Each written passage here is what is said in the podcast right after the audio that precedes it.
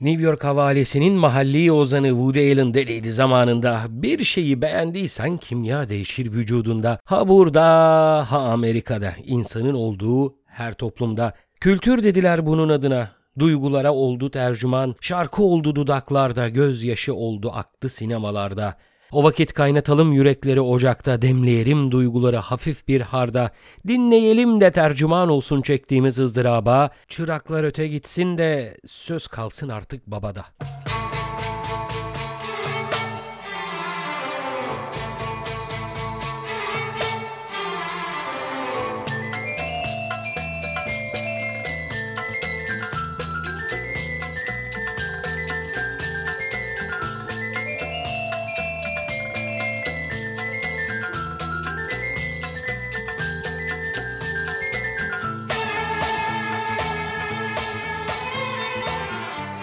Bu sıcak havalarda kulak ulemasının şemsiyesi altında oldukça serin, oldukça güzel, oldukça keyifli bir seriye başlıyoruz efendim. Popüler Sülfür. Popüler Sülfür'de her hafta ilginç konuları sizlerle konuşacağız. Aslında hepimizin günlük hayatına dokunmuş, duygularımıza tercüman olmuş ki girişten de anlayabileceğiniz üzere müzik, sinema, farklı sanat dallarının da içinde olduğu toplumumuzun dönüşümüne bir şekilde ayna tutmuş olan her bir şeyi anlatmaya çalışacağız efendim. Kiminle beraber? Oğuzhan Duru ile beraber. Oğuzhan Duru'yu ben bir şekilde size tanıtacağım ama onu kendisine bırakmakta fayda var. Bu haftadan itibaren her hafta Popüler Sülfür Cuma günleri sizlerle beraber olacak diye söze girip bu programla beraber Kulak Uleması ailesine katılan Oğuzhan Duru'ya bir kez daha hoş geldin diyerek sözü ona vereyim. Hoş bulduk. Öncelikle davet ettiğin için çok teşekkür ederim. Şöyle bir şey söyleyeyim. Ben bir tarihçi olarak direkt tarih öğrencisi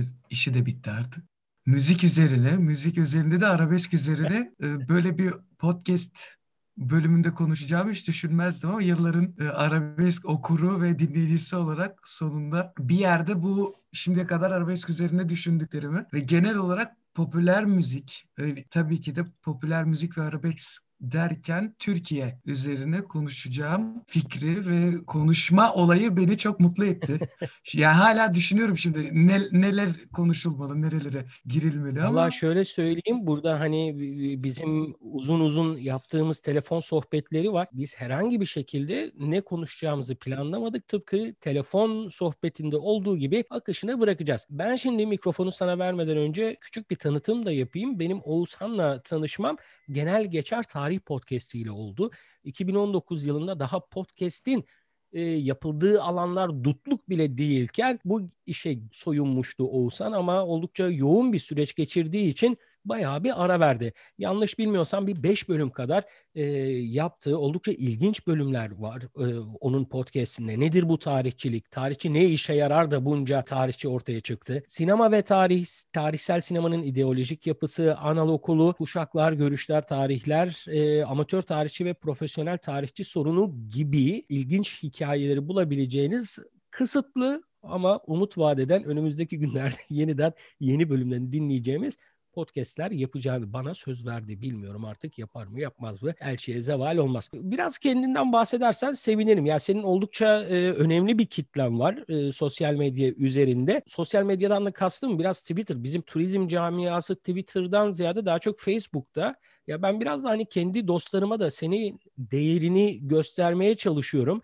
Ee, şeyden başlayalım hani tarih e, okuma isteği nereden geldi ve bundan sonra ne şekilde evrildi hangi okula gitti?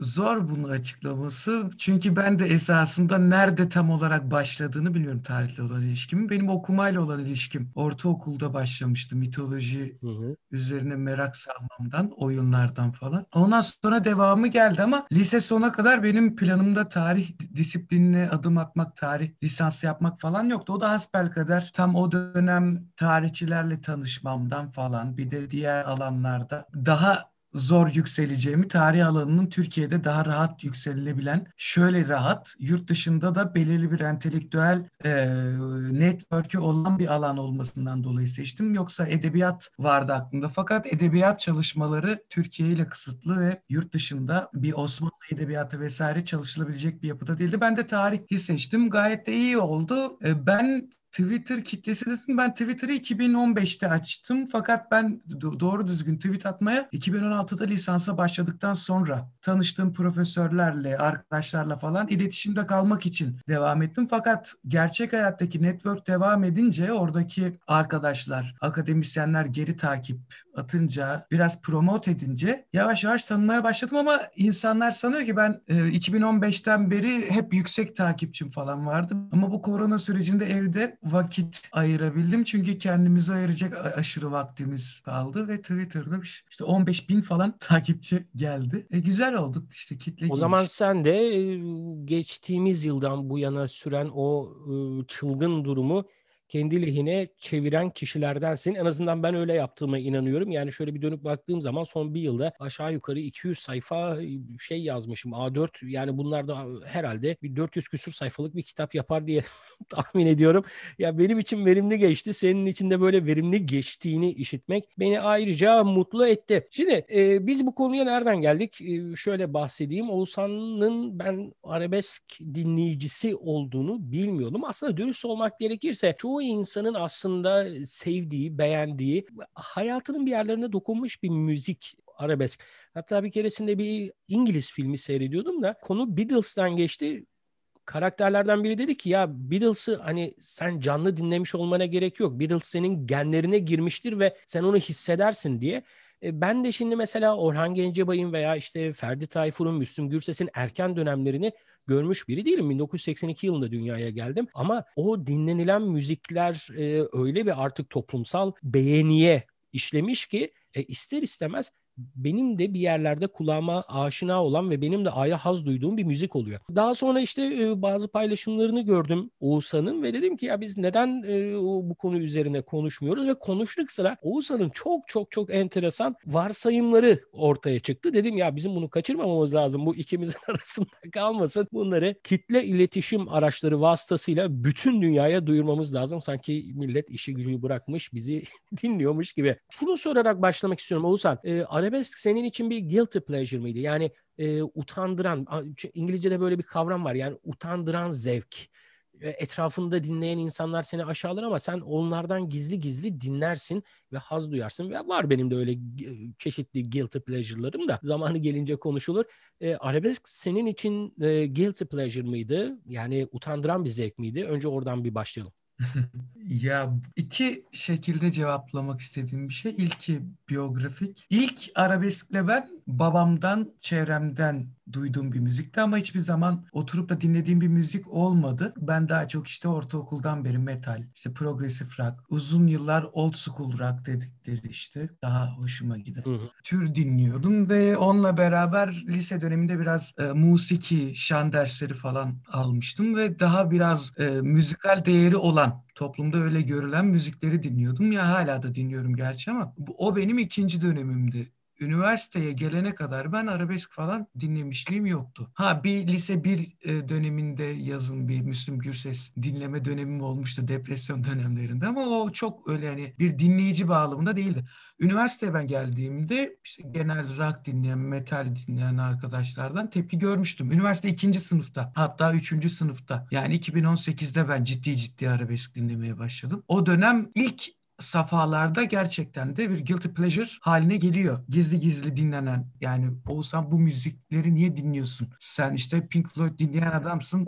Neden Orhan Gencebay falan ama ilk başlarda dinlerken doğru düzgün bir cevap da verilemiyor. Sonra yeni yeni anladığım bir şey bu guilty pleasure olması arabeskin yeni ve bizim nesle has bir şey değil. Yani bu bizatihi arabeskin kendi e, tarihsel serüveniyle de alakalı bir şey. Tabii o dönemlerde guilty pleasure kelimesi kullanılmıyor. Onun yerine yoz, e, geri, e, Türk müziğini yozlaştırıcı bir müzik türü. Hatta arabesk kelimesi bile bir esasında sırf bu yeni Türk müziği dediğim serbest çalışmalar dedi Orhan Gencebay bu müzik türünü aşağılamak için esasında uydurulmuş ve genelde sol entelektüel kitle tarafından bir yakıştırma olarak kullanılmış bir şey. Ee, şuna geleceğim. Bu hem kendi ör örneğimden hem arabeskin biyografisinden. Arabesk dinliyorsanız zaten guilty pleasure'la karşılaşıyorsunuz. Yani arabesk dinleyip de guilty pleasure yaşamamamız imkansız. Onun doğasıyla alakalı bir şey. Önce yüz, yüzleşmek gereken konu bu. Ama artık öyle değil. E, çünkü e, şeye teşekkür ediyoruz. Müslüm Gürses filmin yapımcısı Mustafa Bey soyadını hatırlamıyorum. Müslüm filmi sayesinde tekrar popüler kültür haline geldi ve kiç haline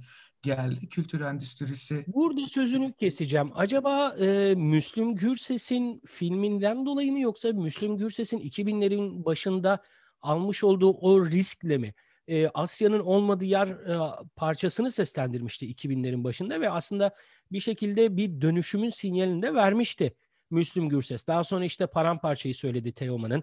Daha sonra e, Murat Anmungan sözleriyle ünlü bazı yabancı rock parçalara aranjmanlar yapılarak işte bir albüm yaptı vesaire vesaire. İşte e, ceza ile bir e, şey yaptı, e, itirazım var parçasını yaptı. Ya sanki bu tarafa doğru yanaşan Müslüm Gürses'in tercihleriydi gibime geliyor benim. E tabi o biraz da Müslüm Gürses'in biyografisiyle de alakalı. 21. yüzyıl başında, 2000'lerin başında artık arabesk müzik doğal olarak o nesil tarafından dinlenilmiyordu ve mecburen pop'a, caza ve rap'e yönelmesi gerekiyordu Müslüm Gürses'in. Çünkü Ferdi Tayfur gibi, Orhan Gencebay gibi kendi plak şirketlerine aranjmanlığını yaptığı sanatçılara sahip olmadığı için konserlerle hayatını idame ettiren bir insan olduğu için mecburen ne tutuyorsa ona yönelmesi gerekiyor. O dönemde çok eleştirilmiş bir şey ama şöyle bir şey de var. Bizim bu yeni Türk müziği veya serbest çalışmalar veya arabesk dediğimiz müzikte caz,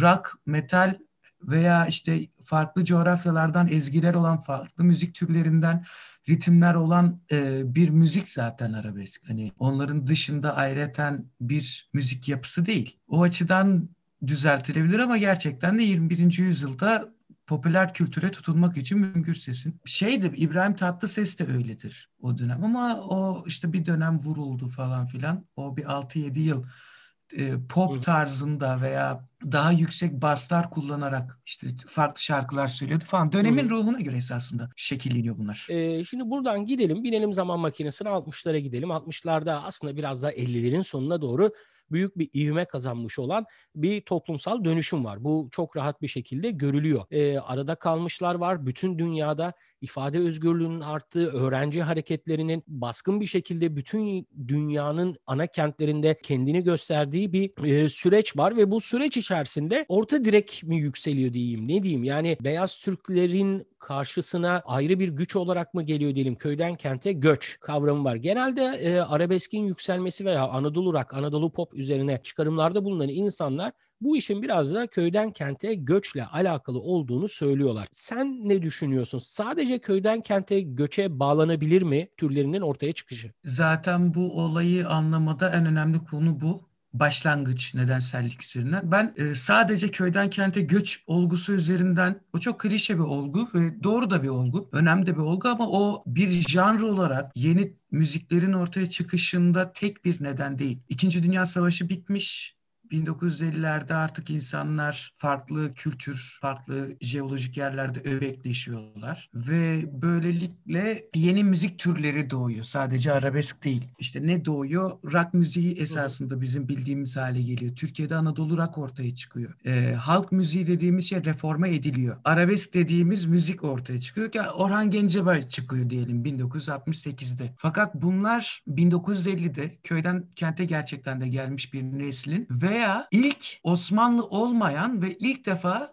Osmanlıca görmemiş bir ailenin çocukları olarak, Cumhuriyet çocukları olarak doğan, çoğu ailede de ilk defa eğitim görmüş bir nesil. 1950'de atıyorum köyden kente göç edildiğinde veya 1950'de 5-6 yaşında olan çocuklar 1968'de üniversite yıllarında olan veya üniversite mezunu olan insanlar. O ye- bir yeni bir nesil var. İşte ben çok bilmiyorum o kuşaklandırma olayını. Baby boomer veya boomer e, diyorlar 45 sonrasına. Yani dünyada yeni bir esasında 2. Dünya Savaşı sonrası nesil ortaya çıkıyor ve bu İkinci Dünya Savaşı sonrası nesil neye denk geliyor? İşte Soğuk Savaş gibi farklı konjonktürlere denk geliyor. Bunun şimdiki anlamıyla ne kadar doğru bilmiyorum ama protest hali Anadolu Rock'ta ortaya çıkıyor. Bizatihi yaşayış açısından. Arabesk'te yeni yeni Türk müziği yani arabeski kullanalım amiyane tabiriyle. 1968'de bağlamanın reforme edilmesi Orhan Gencebay tarafından ortaya çıkıyor. Nasıl reforme? Onu Orhan Gencebay mı e, elektro bağlamayı icat eden Erkin Koray mı? O şöyle bir şey var. 1959'da Erkin Koray kariyerine başlıyor. 1960'larda Orhan Gencebay ile tanışıyorlar ve halk müziğine dair Erkin Koray'ı Orhan Gencebay bilgilendiriyor. Beraber çalışmalar yapıyorlar. O dönem Erkin Koray da Orhan Gencebay'la aynı plak şirketine geçiyorlar. Zaten Orhan Gencebay 1963'ten sonra piyasada çok tanınan bir isim. Aranjörlük e, işte Kuyu filminden e, Ömer Lütfü Akat'ın Kızılırmak Karakoyun filmine kadar müzik yönetmenliğini Orhan Gencebay yapıyor. Çok tanınan bir isim esasında. İşte o dönem yüzlerce plakta farklı sanatçının arkasında saz çalmış, aranjörlük falan etmiş. Tanınan ve e, diğer diğer arabeskçilerden farklı olarak kentli bir kişilik. Hı hı. Londra'ya gidiyor bir dönem müzik eğitimini ilerletmeye. Zaten klasik müzik uzmanı. Dan ders alıyor. Emin Tarakçı adlı bir e, Kırım göçmeninden. E, mandolinle başlıyor. 13 yaşında tamburla devam ediyor. Kemanla devam ediyor. Eğitimli bir kişi ve kentli bir kişi. Yani köyden kente göç etmiş bir ailenin çocuğu değil esasında. O da bir farklı bir yapısı var. O zaman mesela bu köyden kente göç e, tezi bir ayağı eksik kalıyor. Senin vermiş olduğun bu Orhan Gencebay profilinden yola çıkarak. Orhan Gencebay profilinde eksik kalıyor fakat Orhan Gencebay köyden kente göç edenleri sahipleniyor ve onlar da onu baba kabul ediyor yani. Doğru. O açıdan esasında e, birbirlerini destekleyen veya yanlışlayan şeyler olarak görülebilir. Ama bunun işte peşi sıra 1934'teki radyo reformu var. Hı hı. Atatürk tarafından. Osmanlı tarzı veya Orta Doğu tarzı musiki e, garbi değildir. Batılı bir müzik değildir. Komalar vesaire hı hı. ilerlemede geridir. Bu yüzden diyor işte bugünden sonra e, radyolarda Türk musikisi çalınmayacak. Çok sesli müzik. Çok sesli müzik dönemine geçiyoruz vesaire. Ha bu çok seslilik ve çok sazlılık arasında da bir fark var. Şey çok sesli bir müzikten bahsedebiliriz Osmanlı müziğinde de eğer. Hı hı. Çok sesten çok sazı anlıyorsak yani birden fazla enstrümanın olduğu, perküsyonların onar yirmişer tane, yaylıların veya tellilerin onar yirmişer tane veya piyanonun merkezi olduğu müzik yok tabii. O dönemde Atatürk sanıyor ki radyolarda klasik müzik çalındığı zaman Türk halkı klasik müziği benimseyecek. Müzik devrimi gerçekleşecek. İyi bir şekilde esasında e, müzik devrimi gerçekleşiyor ama Atatürk'ün düşündüğü kadar değil. Çünkü halk radyolarından zaten tek radyo kanalı var Türkiye'de o dönem. Nereye çeviriyor? Mısır Radyosu'na çeviriyorlar ve birdenbire Ümmü Gülsümler, e, Feyruzlar, Abdülhalim Hafızlar çok büyük bir esasında müzik reformunu ya e, geliştirmiş e, bir dünyaya açılıyorlar.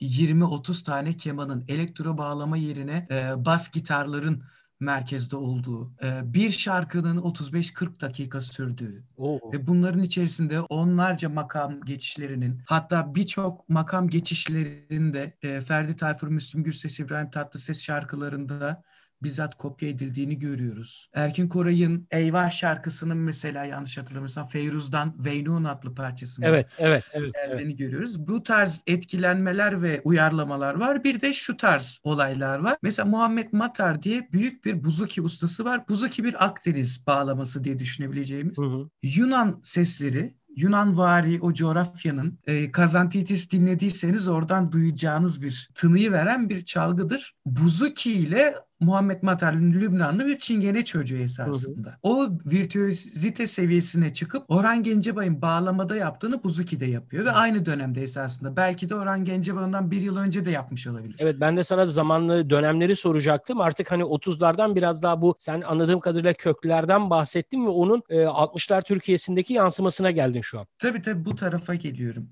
Ha şunu da söylemekte yarar var. O dönemde sinemada da Ümmü Gülsüm, Abdülhalim Hafız filmleri var ve yasaklanıyor. Diyorlar ki burada Arapça müzik olmamalı. Onun yerine Saadettin Kaynak, musiki üstadları diyebileceğim isim, isimler sözlerini yeniden yazıp aynı şarkılara göre filmler çekiyorlar. Mesela Harun Reşid'in Gözdesi e, gibi filmler. Hı hı çekiyorlar falan. Halkın zaten bir Arap vari müziğe, Arap müziğine yatkınlığı var. Şu, şunu da söyleyeyim o kökleri zaten hep işlenen şeyler kapatalım. Zaten Mısır ve genel olarak Akdeniz müziği ve Orta Doğu müziği komalar üzerine ve makamlar üzerine kurulur. Belli başlı makamlar üzerine. Bunlar Hicaz'dır, Hicazkar'dır, Hüzzam'dır, e, Karciğar'dır, Uşak'tır. Bizim işte ezanlardan Mevlid'e kadar duyduğumuz onlarca farklı ve bunların içerisinde bazı Osmanlı döneminde çıkan Bizanslardan gelen uyarlama makamlar vardır. Bir esaslı kültür sentezidir. Ve bu kültür sentezi içerisinde Orhan Gencebay gibi veya işte Muhammed Matar gibi iki farklı coğrafyadan ismin veya Abdülhalim Hafız gibi ismin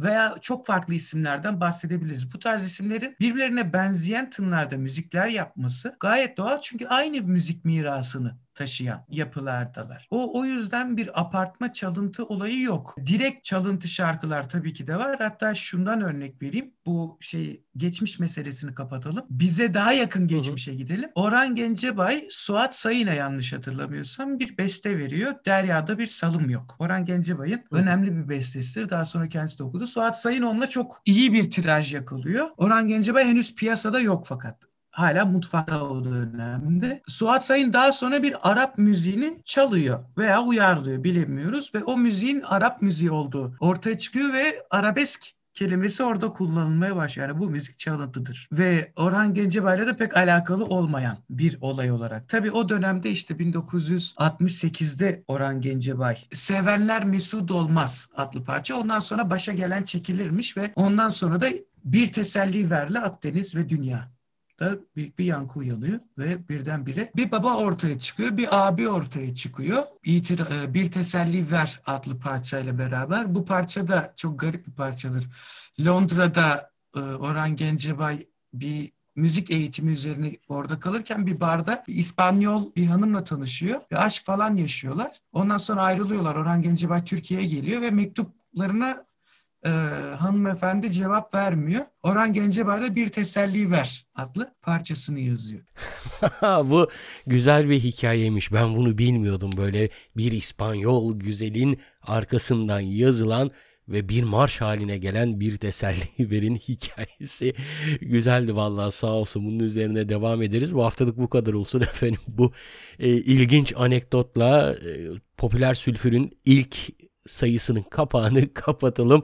Ee, fazla da uzatmamak lazım tabii ki. Önümüzdeki hafta o zaman Orhan Gencebay, Ferdi Tayfur ve Müslüm Gürses'in sergilediği sanat akımlarının yansımalarından bahsedeceğiz. Babalardan bahsedeceğiz. Neden bazı arabesk figürlerinin babalaştığını ve bazılarının babalaşmadığını anlatmaya çalışacağız. Tabii ki felsefi çıkarımlar yaparak. Efendim önümüzdeki hafta görüşünceye kadar popüler sülfürden şimdilik size elveda diyelim. Mutlu kalın, sağlıklı kalın ve esen kalın.